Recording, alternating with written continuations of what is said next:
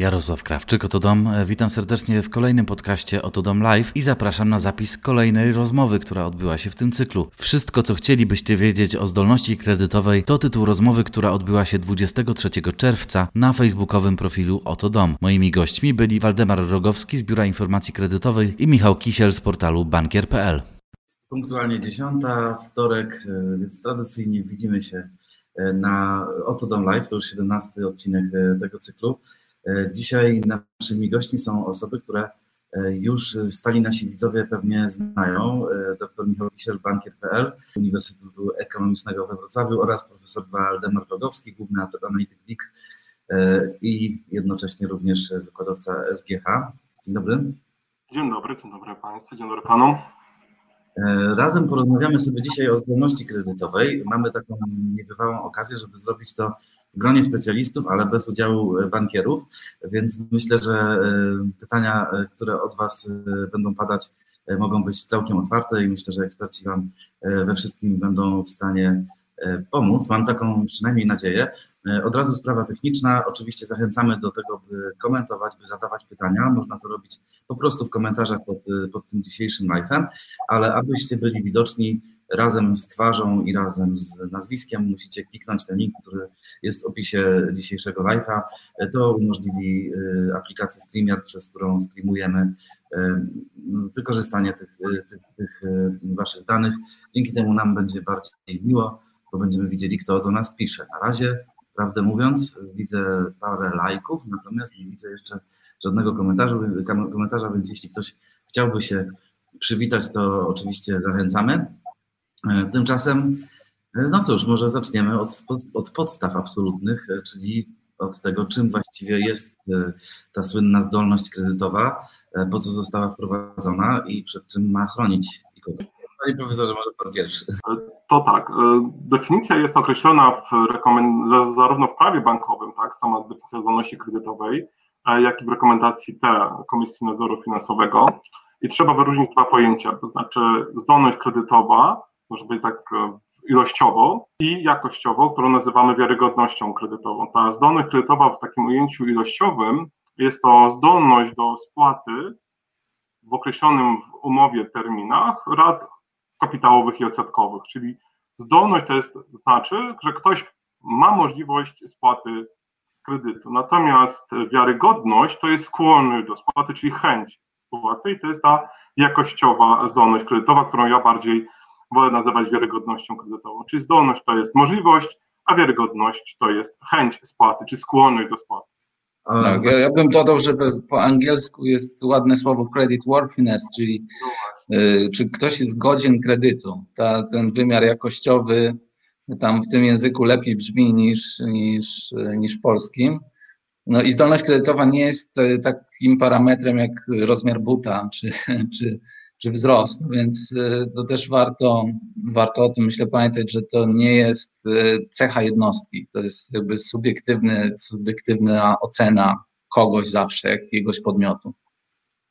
No tak, właśnie podmiotu czy gospodarczego, czy osoby fizycznej, bardziej tą zdolność możemy mówić o pewnych cechach populacyjnych, prawda, osób, które mm. mieszkają w danym obszarze, tak, które ponoszą określone koszty, grupy zawodowe, które uzyskują określone dochody na przykład, tak, czyli w zdolności kredytowej tak naprawdę mamy dwie podstawowe rzeczy, czyli z jednej strony dochody, w tym przypadku dochody gospodarstwa domowego, a z drugiej strony koszty gospodarstwa domowego.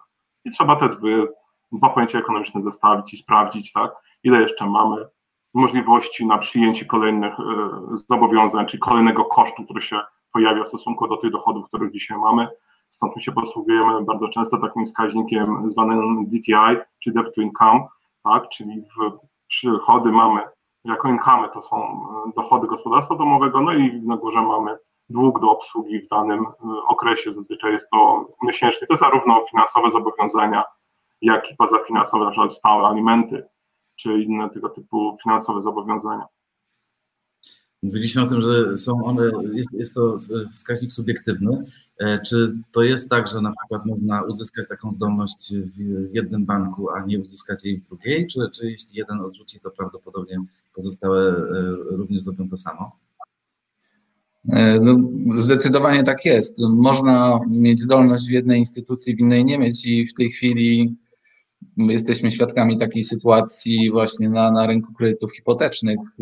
Dosyć wyraźnie są instytucje, które nie akceptują na przykład pewnych źródeł dochodów, takich jak jednoosobowa działalność gospodarcza, a więc nawet na na dzisiejszym przykładzie widać, że, że, że to jest y, zależne od, od instytucji, która ocenia i jaki, jaki ma apetyt na ryzyko, w jaki sposób też y, widzi perspektywy gospodarki. Wręcz, no, wręcz tak zero-jedynkowo, a więc są, są, są instytucje, które będą na wstępie odrzucać pewnych, pewien typ kredytobiorców. Bo to trzeba jasno też słuchaczom wytłumaczyć, że tak naprawdę kredyt to jest nic innego jak bieżąca konsumpcja przyszłych dochodów.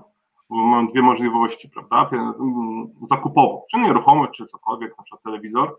Chcemy kupić, to możemy albo na niego odłożyć, tak? Czyli poprzez oszczędzanie dojść do kwoty, e, za którą jesteśmy w stanie to nabyć, albo mamy drugi sposób, to znaczy bierzemy kredyt i potem przyszłych dochodów poprzez raty kapitałowe spłacamy. I to, co pan doktor Michał zauważył, to jest dość istotna kwestia apetytu na ryzyko i tak naprawdę mm, pewności albo ryzyko dochodów danych osób, prawda? Inne mamy ryzyko dochodów osób, które mają umowę o pracę, inne osoby, które mają właśnie samodzielną działalność gospodarczą, czyli, czyli ich dochody są skorelowane czysto z ryzykiem biznesowym, a jeszcze inną osoby, które pracują na umowy cywilnoprawne, tak, czy na zlecenie, czy umowę o dzieło, ale nawet te osoby, które mają umowę o pracę, to mamy ryzyko pracodawcy, tak, czyli bank też weryfikuje, E, czy te dochody w przyszłości będą tego pracodawcy. Wyobraźmy sobie pracodawcę, o którym wszyscy wiemy, że ma bardzo obecnie duże kłopoty, tak, związane czy teraz z pandemią, czy wcześniej ze swoją działalnością biznesową, to znaczy, że dochody osób zatrudnionych u takiego pracodawcy też obarczone są dużo wyższym ryzykiem, bo jak ten pracodawca utraci płynność finansową, a w konsekwencji będzie niewypłacalny, a prawnie będzie ogłoszona upadłość, no to też one tych dochodów z pracy nie będą miały. Czyli sam pojęcie dochodów, to już bardzo różnie w bankach patrzą, tak, z tej perspektywy. To polityka kredytowa definiuje nam w banku, jakie mamy akceptowalne formy zatrudnienia. Czyli już na tym formie zatrudnienia, powtórzmy, czy mamy umowę o pracę i teraz też w umowie o pracę patrzymy na to, jaka jest jakość pracodawcy. Z drugiej strony mamy umowę o dzieło, umowę zlecenia i samodzielny biznes i każda ta forma e, dochodów, uzyskiwania dochodów wiąże się z określonymi dla banku rodzajami ryzyka, a jak bank udziela długoterminowego kredytu, no to chciałby, żeby te dochody były w miarę stabilne. To oczywiście też wpływa zawód, jaki mamy, czy jest przyszłościowy, jakie mamy kompetencje, umiejętności, czy one są to market, ale nie dzisiaj, e, tylko w przyszłości, czy ten poziom tych dochodów rośnie, czy spada, w jakiej branży działamy, czy jestem zatrudniony w branży schyłkowej, czy branży rozwojowej, czy raczej to moje dochody będą rosły, czy będą spadały. To jest wielowątkowa analiza samego dochodu. Tak? Już na tym poziomie może być zróżnicowanie na poziomie różnych instytucji finansowych. To po stronie dochodów. Natomiast y, jak to wygląda z analizą strony kosztowej? To jeżeli chodzi o... Proszę, proszę. Tak, zdolność kredytową obniżają y, po pierwsze zobowiązania finansowe, a więc y, spłacane przez nas inne kredyty, alimenty i tym podobne zobowiązania o stałym charakterze, ale oczywiście banki biorą pod uwagę także koszty utrzymania gospodarstwa domowego. Swego czasu Komisja Nadzoru Finansowego napominała niektóre instytucje, że dosyć optymistycznie podchodzą w ogóle do do tego akurat parametru, przyjmując, że 700 zł wystarczy, by utrzymać się w Warszawie, e, ale y, to jest również mocno zróżnicowane w poszczególnych bankach. One korzystają z, z własnych kalkulatorów, przyjmując pewne założenia dotyczące tego, jakie są minimalne koszty utrzymania gospodarstwa domowego. Ono oczywiście może się składać z większej, mniejszej liczby osób. Część może nie mieć własnych dochodów, a więc parametr, ile osób na utrzymaniu y, mamy, również jest brany pod uwagę. Y, y, I te elementy będą, tak bardzo upraszczając, pomniejszały dochód, który jest do, do dyspozycji na ewentualnie spłatę kredytu. A więc gdybyśmy mieli tak bardzo schematycznie powiedzieć, w jaki sposób bank ocenia, na jaką ratę nas stać, to od dochodu, z, który mamy do dyspozycji, będzie odejmował pewne pozycje, właśnie nasze stałe zobowiązania, koszty utrzymania i dopiero to, co pozostaje, jest tym marginesem, który może być przeznaczony na spłatę zobowiązania. Również nie w całości, tutaj mogą być pewne bufory, które e, sobie dodatkowo banki zakładają. Również pod tym względem są, są spore zróżnicowania. To ja do uzupełnienia te bufory mamy dwa rodzaje tych buforów. Jeden jest na ryzyko zmiany kursu walutowego, jak w przypadku, e, kiedy byśmy zaciągali kredyt w walucie, tylko wtedy jest to możliwe, kiedy mam przychody w walucie. A tak naprawdę jest jeszcze jeden bufor na zmienną stopę procentową. Ja Państwa uczulam, że dzisiaj jesteśmy w ultra niskich stopach procentowych, ale marże bankowe, jeżeli chodzi o kredyty hipoteczne, rosną. Z tą wyższą marżą zostaniecie Państwo na 20 parę lat, nawet 30 lat. A referencja, jak my to nazywamy w przypadku złotowych kredytów WIBOR, chociaż już niedługo WIBORu nie będzie, o tym też warto w ogóle program zrobić, wydaje mi się, kolejny na temat tego, czym będzie zastąpiony WIBOR a powiedzmy, że na razie mamy referencję na złotówce WIBOR, ona jest zmienna, jest dzisiaj ultra niska. To nie znaczy, że w perspektywie naszego kredytu 20, jak to jest na nieruchomość, 20-paroletniego, te stopy nie zaczną rosnąć. I w związku z tym bank także musi uwzględnić tak zwany bufor na zmienność stopy procentowej, bo mamy stopy zmienne. Chociaż była próba na to, żeby przejść na stopy stałe, tylko akurat według mnie w najmniej korzystnym momencie, bo teraz sobie Państwo wyobraźcie, że ktoś został namówiony rok temu na stałą stopę procentową, która miała go chronić przed wzrostem stóp procentowych, bo takie wtedy były oczekiwania przy rosnącej inflacji i nagle został z wyższą stopą stałą, tak, niż dzisiaj ma zmienną na ultraniskim poziomie. Także ten bufor to trzeba jeszcze uwzględnić bufor na zmienność stopy procentowej w przyszłości. Podsumowując to, podsumowując też tą część e, dotyczącą e, przychodów e, osoby ubiegającej się o kredyt oraz jej wydatków, to jakbyście panowie określili, jaka jest idealna osoba, która ubiega się o kredyt, to znaczy jak, jak, jakie są najmniejsze obciążenia, jakie mogą na niej leżeć, no bo umówmy się, że jeśli chodzi o o przychody, no to pewnie chodzi o to, żeby to była bezpieczna branża i wysokie przychody. Natomiast zastanawiają mnie te koszty. Co obciąża, a co, a co jest atutem takiego potencjalnego kredytobiorcy? To jeszcze, pan, panie Jarosławie pozwoli, to jeszcze dwa elementy wrzucę, bo żeśmy się skupili na dochodach i na kosztach, a jeszcze według mnie są dwa ważne. Ja to ogólnie nazywam czas i towarzystwo. E, czas, musimy pamiętać o aspekcie okresu kredytowania. Im jest on dłuższy, tym nasza rata kapitałowa jest niższa i nasza różnica między dochodami a obecnymi e, kosztami jest w stanie przyjąć tak niższą ratę kapitałową, bo mamy dłuższe okres kredytowania. No i druga rzecz, towarzystwo, czyli wspólne branie kredytów i wtedy ta zdolność kredytowa jest liczona dla całego gospodarstwa, także przychody innych uczestników gospodarstwa domowego, czyli zwiększamy w ten sposób przychody, a koszty nam tak nie rosną, więc nasza zdolność kredytowa rośnie. Czyli trzeba jeszcze uwzględnić dwa elementy, tak jak mówiłem, nazywam to towarzystwo, czyli osoby współtowarzyszące współkredytobiorcy i okres, okres e, kredytowy. Czyli okres, na który został udzielony kredyt. A odnosząc się do mhm. Pana, do, do pana e, pytania, to oczywiście e, przygotowując się w ogóle do, do wzięcia kredytu, trzeba to zrobić bardzo odpowiedzialnie, prześledzić najlepiej sobie przez kilka miesięcy, mm, nawet w Excelu, zawsze znajomym to polecam, zrobić sobie pełną analizę, zapisywać wszystkie swoje wydatki kosztowe na różnego rodzaju aktywności, zobaczyć, jaką mam taką sztywną, można powiedzieć, część kosztową, z której nie jestem w żaden sposób e, w stanie zrezygnować, a jaką mam część taką, można powiedzieć, elastyczną, gdzie w pewnych elementach mogę zrezygnować, na przykład, nie wiem, nie dwie kawy dziennie w koście, prawda, czy w innym kofenero, tylko jedna, tak, czyli gdzie mam taki luz kosztowy i mógłbym tymi kosztami uciec, tak? czyli obniżając. Czyli trzeba te koszty mhm. jeszcze, oprócz tych kosztów, o których mówimy, to są takie koszty egzystencjonalne stałe, czyli rzeczywiście nie jesteśmy w stanie w żaden sposób zoptymalizować tych kosztów, na takie koszty inne, ale do tego trzeba się przygotować. Do kredytu cały czas mówię, trzeba się odpowiednio przygotować wcześniej. Zrobić sobie w ogóle, to jest bardzo ważne w zarządzaniu finansami osobistymi, czyli monitorować swoje wydatki, bo nam szczególnie w momencie, kiedy mamy pieniądze plastikowej karty, kiedy nie widzimy tego też pieniążka czy banknotów w portfelu, tak nam łatwo tymi kartami dotykać bezdotykowo i tak te pieniądze fu, lecą, lecą, prawda? Zróbcie kiedyś taki eksperyment, jak kiedyś zrobiłem taki eksperyment przez miesiąc, zrezygnowałem z płacenia kartami i płaciłem banknotami. Jakoś inaczej się płaci tymi banknotami. Czyli wyjmuję 100 zł, tak trzy razy, a nie, może jednak nie wydam. Karta, pyk, stówka, stówka i lecimy, prawda? Czyli wydaje mi się, że trzeba po prostu zrewidować. Szczególnie na te koszty ma także wymiar wiek osoby. To znaczy inaczej wydają osoby młode, inaczej osoby e, w takim wieku e, produkcyjnym najlepszym, bo te dochody też przecież trzeba pamiętać, są zredukowane także z uwagi na wiek.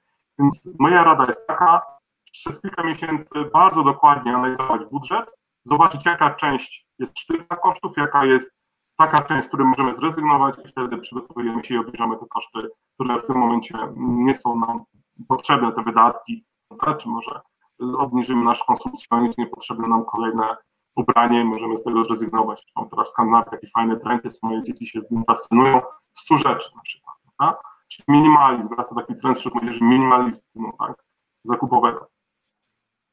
Ja, ja bym polecił, poszedłbym krok dalej, poleciłbym takie ćwiczenie nazywane kredytem hipotecznym na sucho, e, gdzie możemy sobie policzyć w kalkulatorze ratę kredytu, prawda, zanim się będziemy decydować e, na zaciągnięcie zobowiązania i przez parę miesięcy spróbować takiego ruchu, że na początku miesiąca kwotę tej raty hipotetycznej E, powiedzmy, że jakimś zleceniem stałym sobie przenosimy na rachunek oszczędnościowy, tak jakby te środki nam znikały po prostu z konta. e, i próbujemy przeżyć. Myślę, że po paru miesiącach takiego ćwiczenia, nie dość, że mamy trochę oszczędności, to mamy pełną świadomość, jak będzie wyglądało życie z kredytem hipotecznym. I to jest dobry sposób, żeby odróżnić te wydatki, e, o których Pan Profesor wspomniał, tak zwane sztywne, od tych uznaniowych przy czym zwracam też uwagę na pewne niebezpieczeństwo, jeśli rezygnujemy z wielu takich y, związanych ze stylem życia wydatków nieesencjonalnych,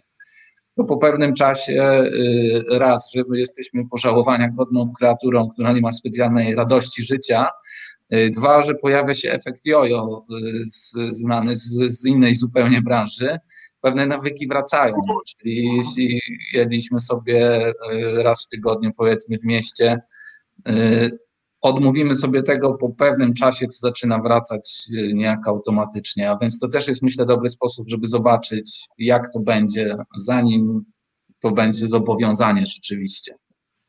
Doktor Michał proponuje taką um, zasadę pustej smyczy, tak jak dzieci chcą psa, to dajemy smycz i przez dwa miesiące codziennie wychodzą ze smyczą, tak? I patrzymy, że... tak. Można to coś takiego. Ja bym proponował Państwu najlepiej jeszcze założyć w innym banku, żeby się tych pieniążków na oczy nie widzieli. Czyli zlecenie i zapewniałem, że mamy tam ten rachunek. Ja też tak znajomym proponowałem, tylko jak widzą, codziennie jak otwierają bankowość i widzą nad moją gotówki tam, to strasznie Także na inny rachunek zapominamy, nie istnieje przez kilka miesięcy. Panie Waldemarze, troszeczkę mamy chyba problem z połączeniem. Tak, tak, takie mam wrażenie, jeśli tak? sprawdzić, tak, czy, czy, czy sieć jest stabilna bo nie wszystkie słowa e, słychać. Przepraszam, to będę...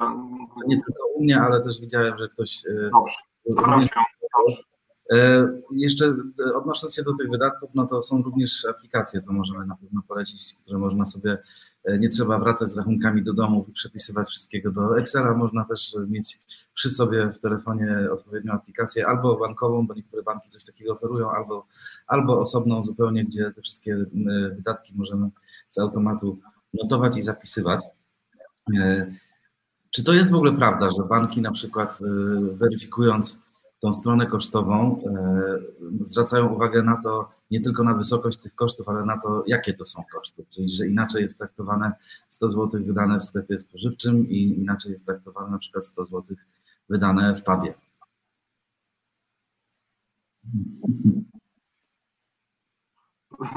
Dobrze, ja powiem E, oczywiście dzisiejsza możliwość e, inżynierii danych jest ogromna i mamy po to bankowość transakcyjną, że bank e, proponuje przy kredycie już, bo to chodzi nie tylko w momencie udzielenia kredytu, tylko później proponuje także prowadzenie rachunku, także po to, żeby mieć wgląd do naszych transakcji. I analizuję rzeczywiście te banki, które akurat ja znam, z którymi rozmawiam, mają rozbudowaną analitykę transakcyjną, pokazującą na co ludzie wydają i ile wydają.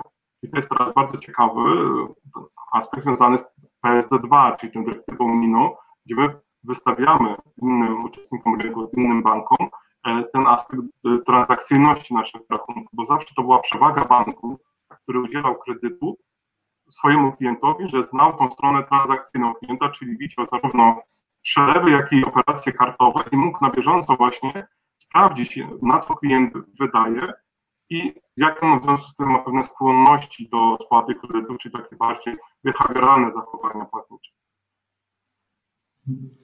No, myślę, że, że analiza danych transakcyjnych y, to jest y, przyszłość jeszcze. Y, powiem że tylko, że się spotkałem z takimi raczej anegdotami na ten temat. Jeśli chodzi natomiast o, o, o fakty, co banki analizując historię transakcji, co zwraca ich uwagę, to na pewno spotkałem się z, z, z pytaniami dotyczącymi transakcji typu przelew weryfikacyjny w historii rachunku. E, banki interesuje, czy to nie oznacza na przykład zaciągnięcie chwilówki, czy otwarcia jakiegoś kolejnego rachunku, a więc bywa, że w procesie analizy przy, przy kredycie hipotecznym klient jest pytany o takie, o takie kwestie i czepianie się stylu życia myślę, że jeszcze nam nie grozi na tym etapie rozwoju technologii bankowej, zwłaszcza, że banki nie mają dostępu do, do tych danych na poziomie, jak to się ładnie nazywa, SKU, czyli Stock, stock Keeping Unit, a więc wie, wiedzą, gdzie wydajemy pieniądze, ale nie wiedzą, co, co kupujemy w szczegółach. A więc Twoje pytanie, czy, czy, czy, czy pewne typy wydatków byłyby tutaj podejrzane, no, no nie, nie, banki nie mają tak szczegółowego wglądu, mogą, mogą y, miejsca, w których y, korzystamy z karty płatniczej zidentyfikować, ale już nie skład koszyka na przykład. A więc y, te dane są na pewnym etapie zagregowane. No tak, tylko pewne takie dziwne nasze zachowania bank jest w stanie tak wychwycić. To już wchodzimy w analitykę danych, sztuczną inteligencję. Banki coraz częściej mówią o przejściu na sztuczną inteligencję, która będzie wychwytywała takie anomalie w naszych zachowaniach płatniczych. Prawda? W piątek na przykład wieczorem na stacji benzynowej. E, tak, no, był, był przypadek na amerykańskim rynku, zresztą, gdzie, gdzie pociągnięto do odpowiedzialności jedną z firm od, y, udzielających kredytów w postaci kart kredytowych, że zaczęła podwyższać oprocentowanie klientów, którzy mieli pewne typy transakcji zapowiadające niewypłacalność, czyli na przykład terapia małżeńska wizyty w salonach masażu i tym podobne. A więc y, przyszłość już tu jest, y, ale czy, czy, y, czy w polskich bankach przyznam, że się nie spotkałem, tak powiem ostrożnie. Panie Waldemarze, jeśli mógłby Pan spróbować obniżyć jakość wideo tutaj w ustawieniach kamery, albo spróbować przepiąć się na inną sieć, to byśmy byli zobowiązani, bo... Ale spróbuję, dobrze, spróbuję tym wideo podziałać i zobaczymy, może to nam coś da. Mamy jednocześnie oprócz tych sygnałów e, o tym, że, że nas nie do końca słychać i widać, to mamy też pytania, więc e, na chwilkę chciałbym e, przejść do, do, do tych pytań. Pierwszy był Beniamin. Witam, czy Państwa zdaniem banki odkręcą kurek z pieniędzmi, czy dalej będą ogromne restrykcje, jak na przykład większy wkład własny? Trochę rozmawialiśmy o tym poprzednio, ale może odpowiedzmy też w dwóch słowach na to pytanie. Ja może powiem króciutko, tak powiem tylko króciutko, że w tej chwili wiele się nie zmieniło, więc y, y, to jest y, na razie nie widać odmrożenia, jeśli chodzi o, o politykę kredytową w bankach. Widać ją w gospodarce, prawda, że pewne, pewne ograniczenia zostały zniesione, natomiast reakcja banków na razie jest bardzo, bardzo ostrożna. Również myślę, że do tego, że, że pojawiły się po pierwsze wakacje kredytowe, po drugie zapowiedź wakacji kredytowych ustawowych. Banki również tym zostaną dotknięte i będą chciały obserwować, jak zachowują się dotychczasowi klienci. No i to też jest pewnie czynnik, który, który wpływa na, na apetyt, na ryzyko właśnie w tej chwili, w tej, tejże branży. Więc y, y, tutaj tylko można prognozować, E, z, z naprawdę dużą, dużą dozą niepewności, że pewne, e, pewne symptomy zmiany polityki kredytowej, ja bym się spodziewał raczej jesienią niż, e, niż w tej chwili, że to się będzie działo ze sporym opóźnieniem. Dlatego chciałem dodać, tak naprawdę poruszamy się obecnie w aspekcie niepewności co do tego, jak gospodarka polska czy globalna będą się podnosić po tej pandemii. Jeszcze za krótko jest, żebyśmy powiedzieli w jakim układzie. I to, czego się obawiamy, to właśnie tej drugiej fali pandemicznej i zachowania rządów, jeżeli chodzi o środki przeciwdziałające, czy nie daj Boże, żeby nie było drugiego lockdownu. I tak naprawdę banki dokąd nie będą miały w miarę e, pewności co do tego, czy będziemy mieli układ U um, układ Nike e, czy układ W, to nic nie zmienia ze swoją polityką e, kredytową. Wydaje mi się, że teraz to jest e, przygotowanie się na L. Każde poprawne PMI odczyty czy inne sygnały gospodarki, że zaczynamy wychodzić, zaczną redefiniować na inne układy wychodzenia i wtedy dopiero to będzie miało przełożenie na cykl kredytowy, a cykl kredytowy na politykę kredytową i właśnie aspekty związane z dostępnością. Obawiam się niestety, że musimy się przygotować na kolejne miesiące na kredyt cruncha, czyli na istotne ograniczenie podaży kredytów, szczególnie w segmencie, może akurat nie mieszkaniowym tak bardzo, tylko bardziej gotówkowym segmencie, czy kredytów gotówkowych. E, kolejne pytanie pojawiło się, dotyczyło umowy o powołanie. Mówiliśmy o umowach o dzieło, umowach zlecenia e, i w, kontrze do, do umowy o pracę. Jak to jest z umową o powołanie? Da się dostać kredyt hipoteczny wtedy? Mhm.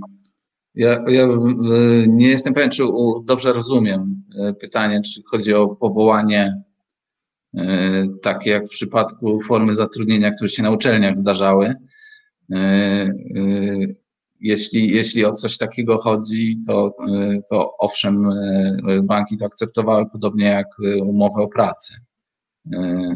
Może pan profesor ma tutaj inną interpretację pytania. Tak, pytanie nie, nie dotyczyło mianowania, bo to, co doktor Michał mhm. powiedział, to było mianowanie na uczelni, czyli odwoływane. Praktycznie tu chodzi o powołanie na czas na stanowisko, na przykład powołanie na stanowisko prezesa. Wydaje mi się, że tutaj tego typu stanowiska menedżerskie obarczone są wyższym poziomem ryzyka, szczególnie w spółkach Skarbu Państwa. To prawdopodobnie będzie ostrożnościowo podchodzić do tego, elementy. Się sprawdzi kompetencje menedżerskie, taki menadżer po tym, jak zostanie powołany, a potem przez Radę Nadzorczą odwołany, e, to czy ma takie kompetencje rynkowe, żeby nadal uzyskiwać dochody spełnienia funkcji w zarządzie. Chodzi o udział w spółce z, spółce z ograniczoną odpowiedzialnością, tutaj do, dopowiedział. E, Aha, czyli chodzi jako rentier, tak? Czy rozumiem, że chodzi o dochody wynikające z uzyskiwanych dochodów z posiadanych udziałów w spółce, tak? czy kapitałowych dochodów. Czyli dywidendy, tak? Były dywidendy. Mhm. To, to, podejście banków jest zróżnicowane i, i, i, przynajmniej jeszcze parę miesięcy temu to było akceptowane w, co najmniej kilku instytucjach. A więc, e, a więc myślę, że, że, że jeszcze mo, że można spróbować. Oczywiście bank będzie tutaj weryfikował także y, sytuację y, spółki, branżę, w której ona funkcjonuje, przyjrzy się temu dokładnie. Arkadiusz pisze, to banki powinny edukować, jak przygotowywać się do kredytu, zaciągnięcia zobowiązania. Tymczasem jedynie mini narzędzia dostępne na rynku to analizator kredytowy BIG, liczący Twoje szanse na kredyt na bazie raportu BIG Pytanie do pana Waldemara Rogowskiego. Czy stałe liczenie zdolności kredytowej w czasie nie powinno być jedną z funkcji, jakie bank oferuje swoim klientom? Wydaje mi się, że to, co zawsze podkreślam, odpowiedzialność musi być po obu stronach, to znaczy po stronie i kredytobiorcy, i kredytodawcy. I oczywiście, że ze strony banku takie narzędzia ułatwiające liczenie zdolności kredytowej powinny być klientom udostępnione. Wydaje mi się, że tu nie ma żadnego problemu, żeby wystawić dla klientów banku ten sam analizator kredytowy, który ma oficer kredytowy z danymi wyciąganymi z GUS-u na temat kosztów utrzymania. Że myślę, że tylko zależy. Wydaje mi się, że można byłoby tutaj w aspekcie odpowiedzialności banków e, pójść w tym kierunku, czyli bardziej przygotować klientów do tego, żeby liczyli sobie sami tą zdolność kredytową na tych parametrach, e, które akurat dany bank ma. E, aczkolwiek to jest pytanie, czy bankom na tym zależy, bo myślę, że utrzymanie pewnej nieprzejrzystości rynku jest tutaj w ich interesie, bo, bo wówczas no, również łatwiej jest, utrudnienie porównań produktów powiedzmy jest, jest dobrą strategią na mocno konkurencyjnym rynku. Widać zresztą na, na rynku na przykład telekomów.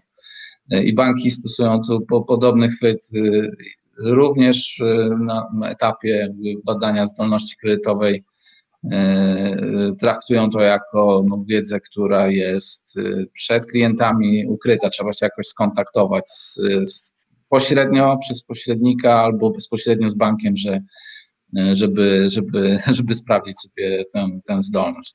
Ale może będzie coś takiego jak PSD2 dla zdolności kredytowej kiedyś, a więc, że banki będą miały obowiązek wystawienia jakiegoś API może pan Arkadiusz, który się pytał, y, jeśli to ten Arkadiusz, to um, taki startup y, założy. Z chęcią bym zobaczył takiego integratora tego typu narzędzi na polskim rynku.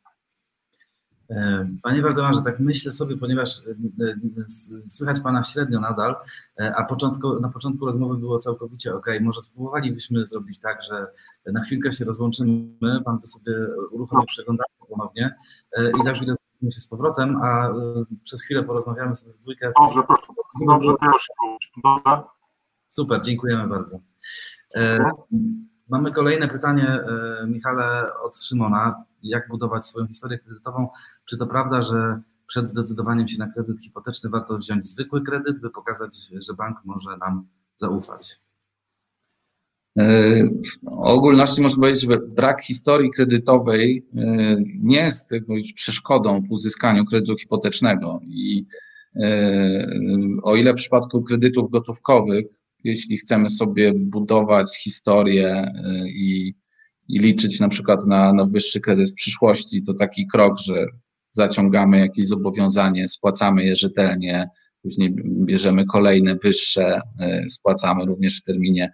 To jest rozwiązanie, które no, pozwala to, to poprawić nasz wizerunek w oczach banku.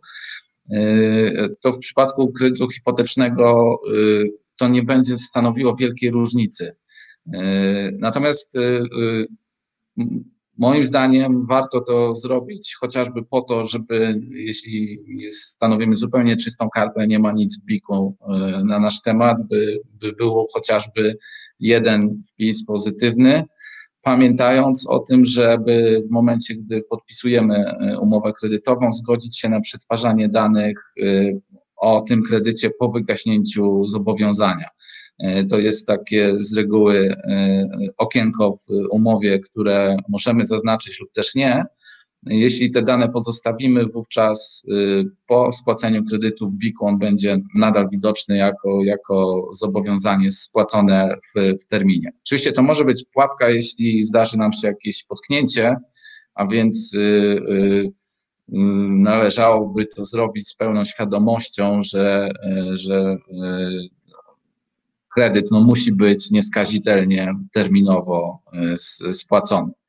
E, ale krótko odpowiadając, nie, nie zrobi to olbrzymiej różnicy. E, warto to zrobić, by mieć później łatwiejszy dostęp w ogóle do produktów kredytowych, natomiast to nie sprawi, że, że, że mm, nagle staniemy się z niewiarygodnego kredytobiorcy wiarygodnym.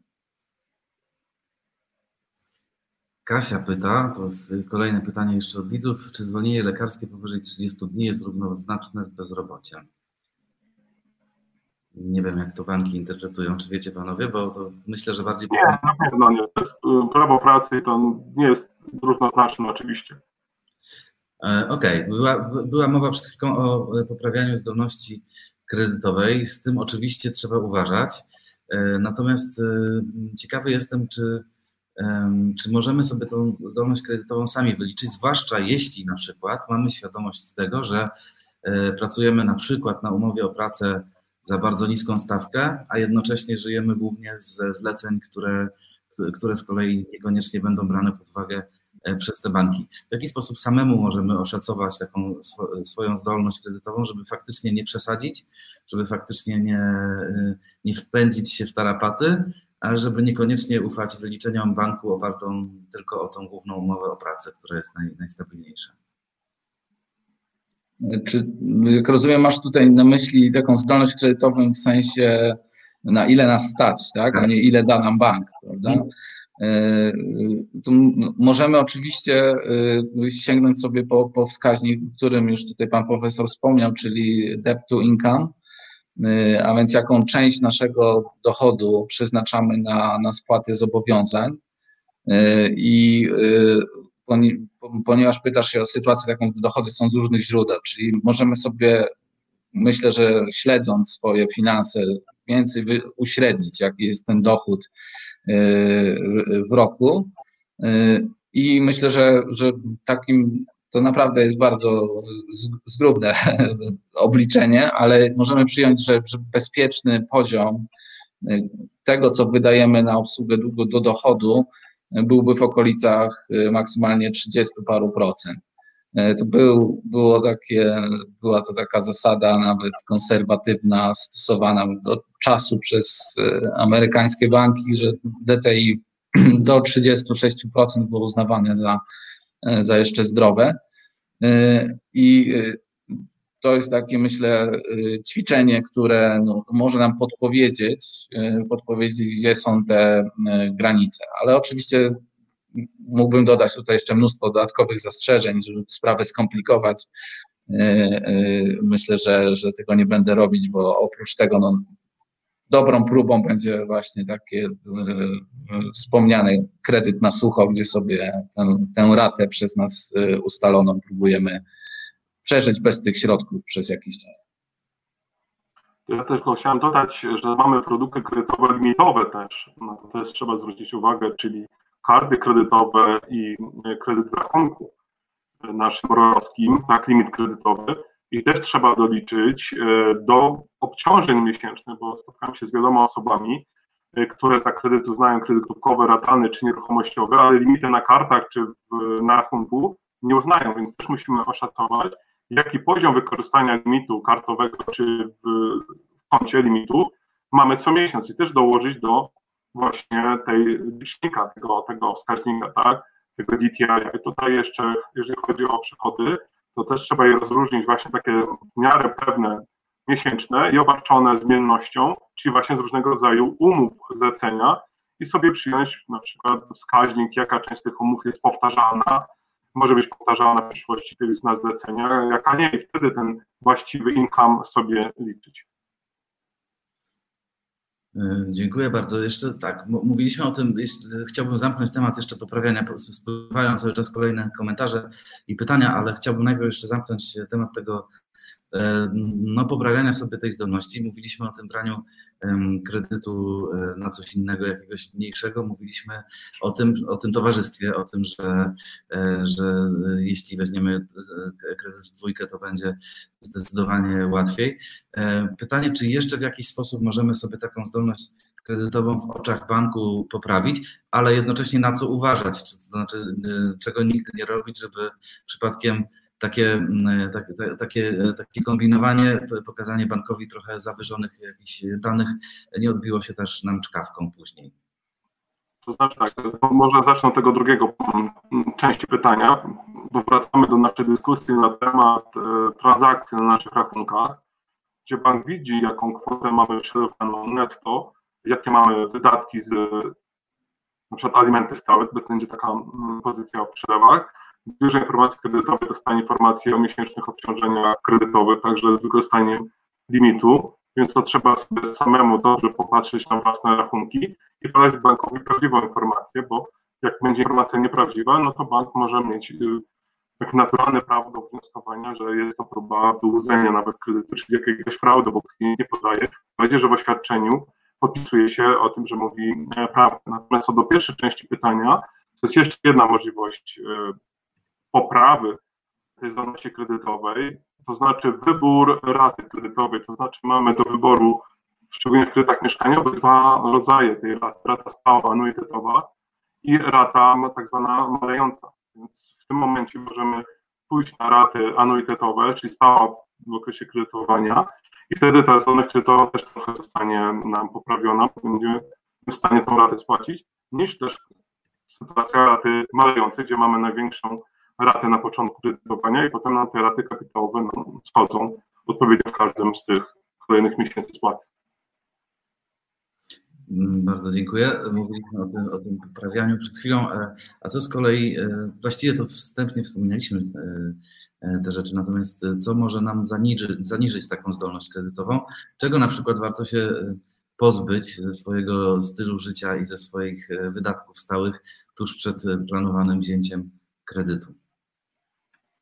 No, oczywiście raty innych zobowiązań są tutaj pierwszym kandydatem, a więc jeśli mamy E, kredyty gotówkowe, e, jeśli mamy kartę kredytową czy limit kredytowy w rachunku, z którego nie korzystamy, e, to te kredyty możemy spokojnie wyczyścić, spłacić przed terminem albo zamknąć te produkty i to jest coś, co poprawi naszą zdolność kredytową.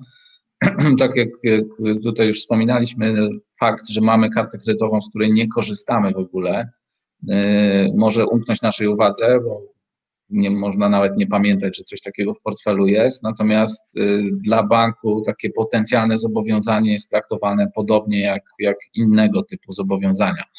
E, a więc będzie obniżać zdolność kredytową. No i oczywiście ten produkt też będzie widoczny w, w raporcie Biura Informacji Kredytowej.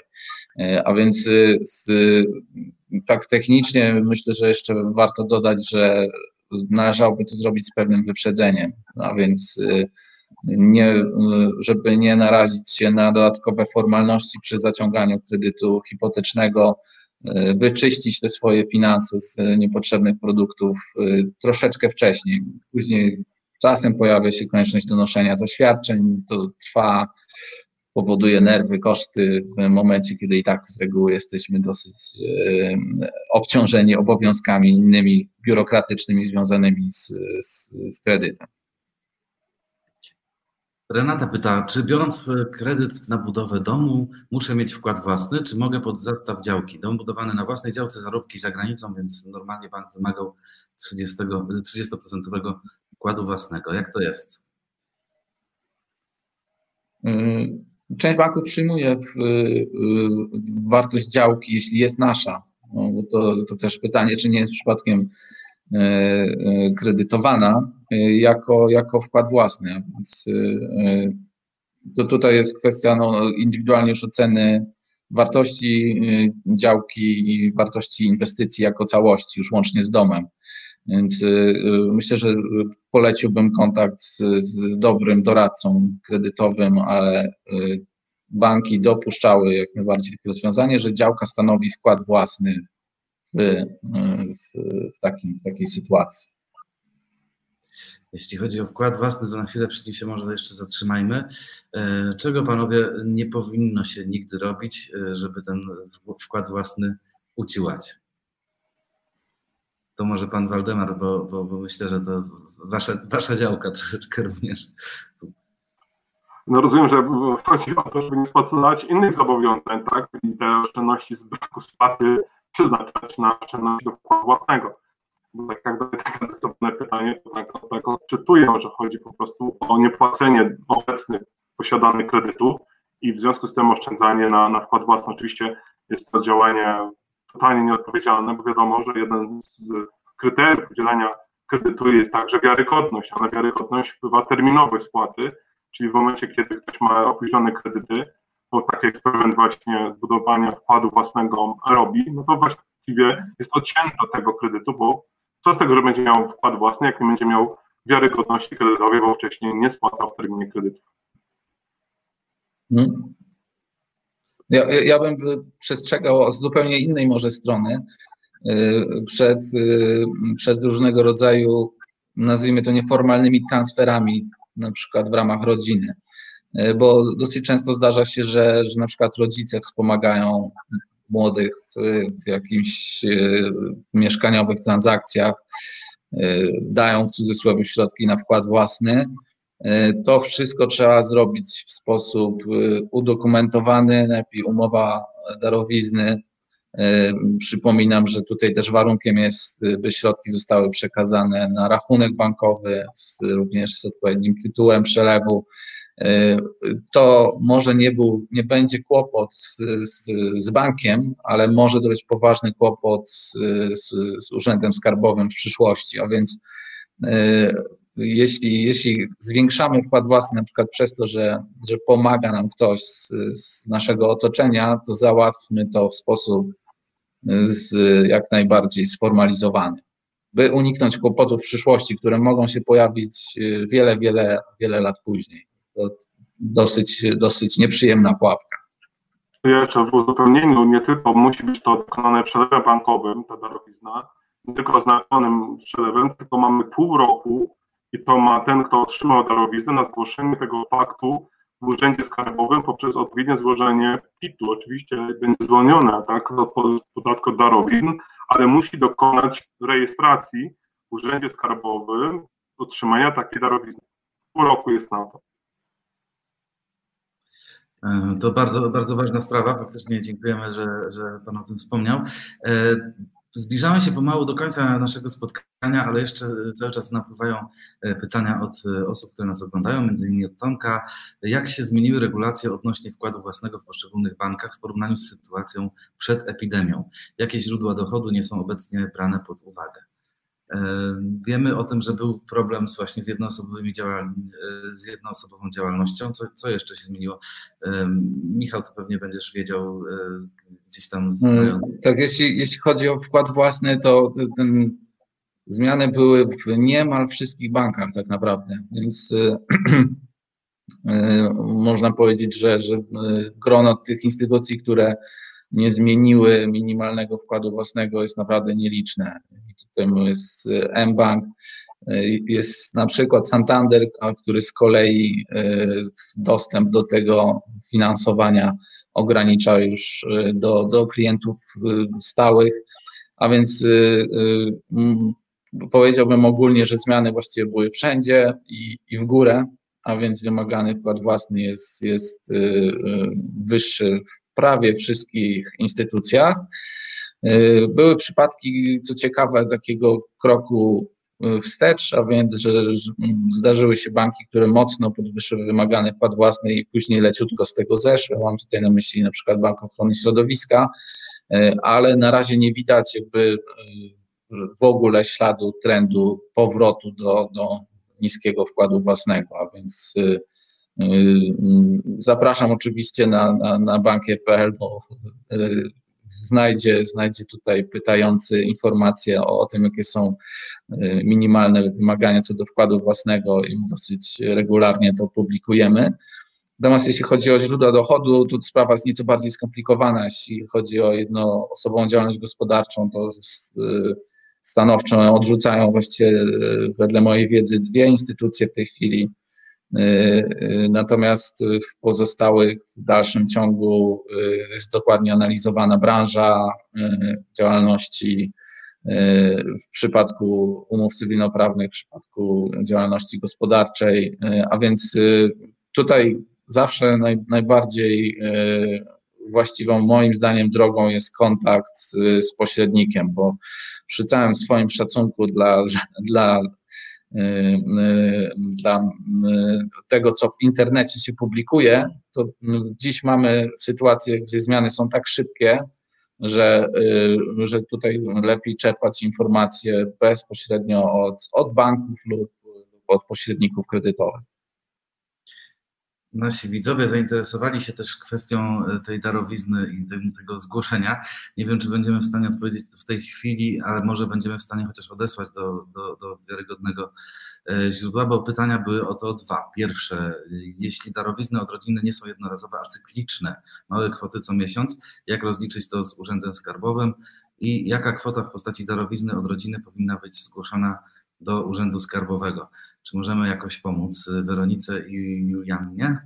Drugie pytanie każda, żeby uniknąć y, podatku. Natomiast pierwsza też podoba mi się, że po każdym takim zdarzeniu trzeba y, zgłaszać, ale to trzeba popytać się prawnika. Ja co prawda mam drugi fakultet prawo, akurat nie prawo podatkowe. Zawsze lepiej zapytać specjalistę. Panie Jarosławie, ja na końcu jeszcze jeden wątek chciałbym wrzucić, bo cały czas rozmawialiśmy o zdolności w takim ujęciu ilościowym, prawda? czyli zdolności do spłaty terminowej, ale pozostała nam jeszcze do omówienia, chociaż króciutko, ta kwestia wiarygodności kredytowej, czyli mm. ocena scoringowa. To proponuję kolejny temat poświęcić scoringowi aplikacyjnemu i scoringowi behawioralnemu biura kredytowego, żeby wyjaśnić, co to znaczy, jak bank ocenia poprzez cechy socjodemograficzne, tak, naszą wiarygodność, a co to znaczy, że biuro kredytowe ocenia poprzez nasze zachowania kredytowe naszą wiarygodność kredytową. Czyli proponuję kolejny temat, omówiliśmy dość szczegółowo zdolność kredytową, taką sensu stricte, ale jeszcze sensu largo jeszcze nam potrzeba, czyli wiarygodność kredytową i tutaj wrzucam właśnie kolejny temat, z monitoring dzisiaj pewnie chętnie porozmawiamy. Wyjaśnijmy Państwu, czym się różni scoring aplikacyjny od scoringu behawioralnego i cerebralny w jednym i w drugim. Jak to jest ważny element przy zaciąganiu kredytu. Nie tylko zdolność kredytowa, ale i wiarygodność kredytowa.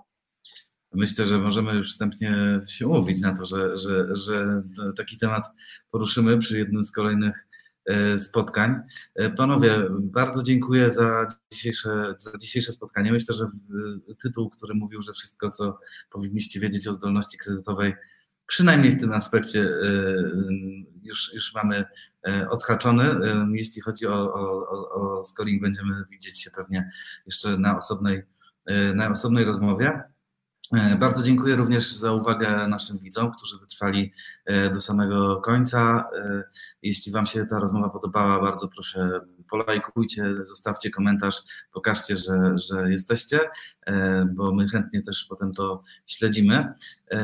Widzimy się już za tydzień na, kolejnej, na kolejnym spotkaniu z cyklu Oto Dom Live, a będzie to spotkanie bardziej o nieruchomościach niż o finansach. Mianowicie zajmiemy się tematem takim, czy lepiej kupić mieszkanie nowe czy używane, czy lepiej od dewelopera, czy lepiej na rynku wtórnym. Mam nadzieję, że uda nam się za tydzień wymienić wszystkie argumenty zarówno za, jak i przeciw. Nasi goście będą raczej również zwolennikami jednego z rozwiązań, więc szykuje się bardzo E, ciekawa dyskusja. Tymczasem panowie bardzo dziękuję za dzisiejsze spotkanie. Przepraszam za problemy techniczne, to już, to już nie ode mnie zależne, tylko dostawcy internetu mojego. Muszę właśnie zadzwonić zaraz. Co się dzieje? siła wyższa. No, nic nie zrobimy. E, było można zrozumieć przy głębszym wsłuchaniu się, więc bardzo, bardzo się cieszymy, bo, bo były to bardzo też e, trafne uwagi. E, dziękuję również Michałowi i co? I do zobaczenia w takim razie za tydzień. Aha, napiszę w czasie. Dziękuję bardzo za zaproszenie. Do zobaczenia. Dziękujemy.